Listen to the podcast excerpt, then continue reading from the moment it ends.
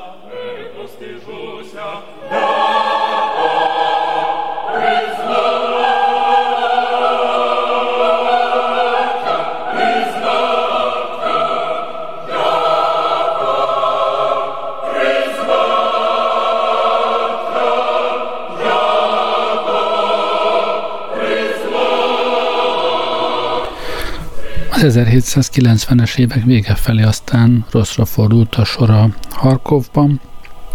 Fölkérték, hogy írjon a, a cász, cár látogatás alkalmából egy műve, de helyett Védel egy levelet írt a cárnak, feltehetőleg politikai tartalmút, úgyhogy letartóztatták, elmebetegnek nyilvánították, és visszaküldték Kijevbe.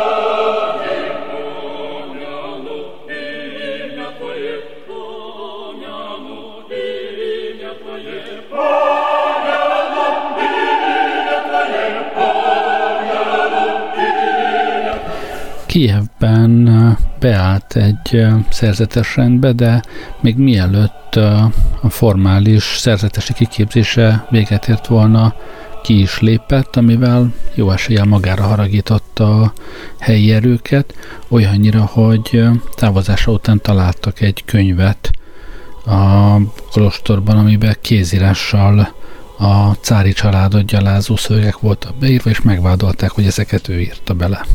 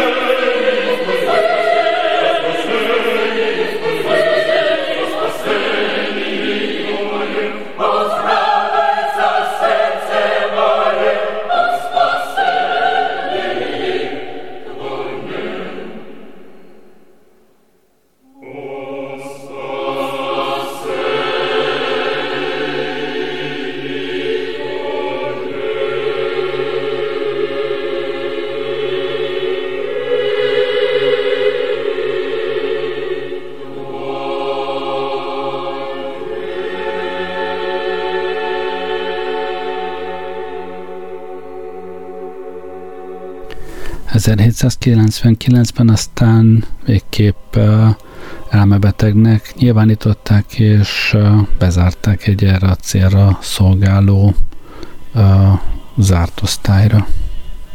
Élete hátralevő részét már ott élte le, csak közvetlen halála előtt engedték ki, úgyhogy végül otthon a szülei házában halt meg, hát alig volt 41-2 éves. Nagyjából ennyit akartam elmesélni Véderről, sokkal többet nem is lehet tudni róla. Köszönöm, hogy velem voltatok ma este, jó éjszakát kívánok, Gerlei Rádiózott.